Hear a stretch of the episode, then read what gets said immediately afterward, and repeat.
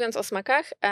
mam tutaj na myśli to, że w momencie, kiedy jemy posiłek, który ma jeden dominujący smak, na przykład jest tylko słodki, to e, to jest prawie pewne. Na 99% będzie tak, że jak zjemy taką zamulającą owsiankę, która jest z bananem, żurawiną, dobra, żurawina jest kwaśna, nie zły przykład, z bananem, z rodzynkami, e, na mleku jeszcze bez laktozy, Z jeszcze polana miodem, e, tak, i z mleczną czekoladą, bo przecież zasada 80-20, hehe, e, no to po takim posiłku na bank będzie nam się chciało czegoś słonego. I wtedy zjemy po prostu coś dodatkowego. Jeżeli my sobie zrobimy posiłek, który jest zbalansowany em, smakowo, to znaczy dodamy tam na przykład szczyptę soli, dodamy kwaśne owoce, dodamy gorzką czekoladę, e, to my będziemy całkowicie usatysfakcjonowani e, sensorycznie po takim posiłku i nie będzie takiej radykalnej chęci na zmianę smaku na totalnie inny, bo organizm dąży do tego, żeby mieć e, różne rzeczy w tej diecie, żeby tam rzeczywiście były jakieś garbniki, które są charakterystyczne dla gorzkiego smaku, e, dąży do tego, żeby mieć węglowodany, które są słodkie, jakby dąży do tego, żeby też trochę sodu było w każdym posiłku,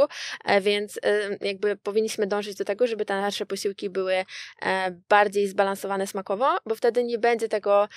miejsca na serniczek po słonym obiedzie, bo już po prostu ten obiad może mieć też słodki element.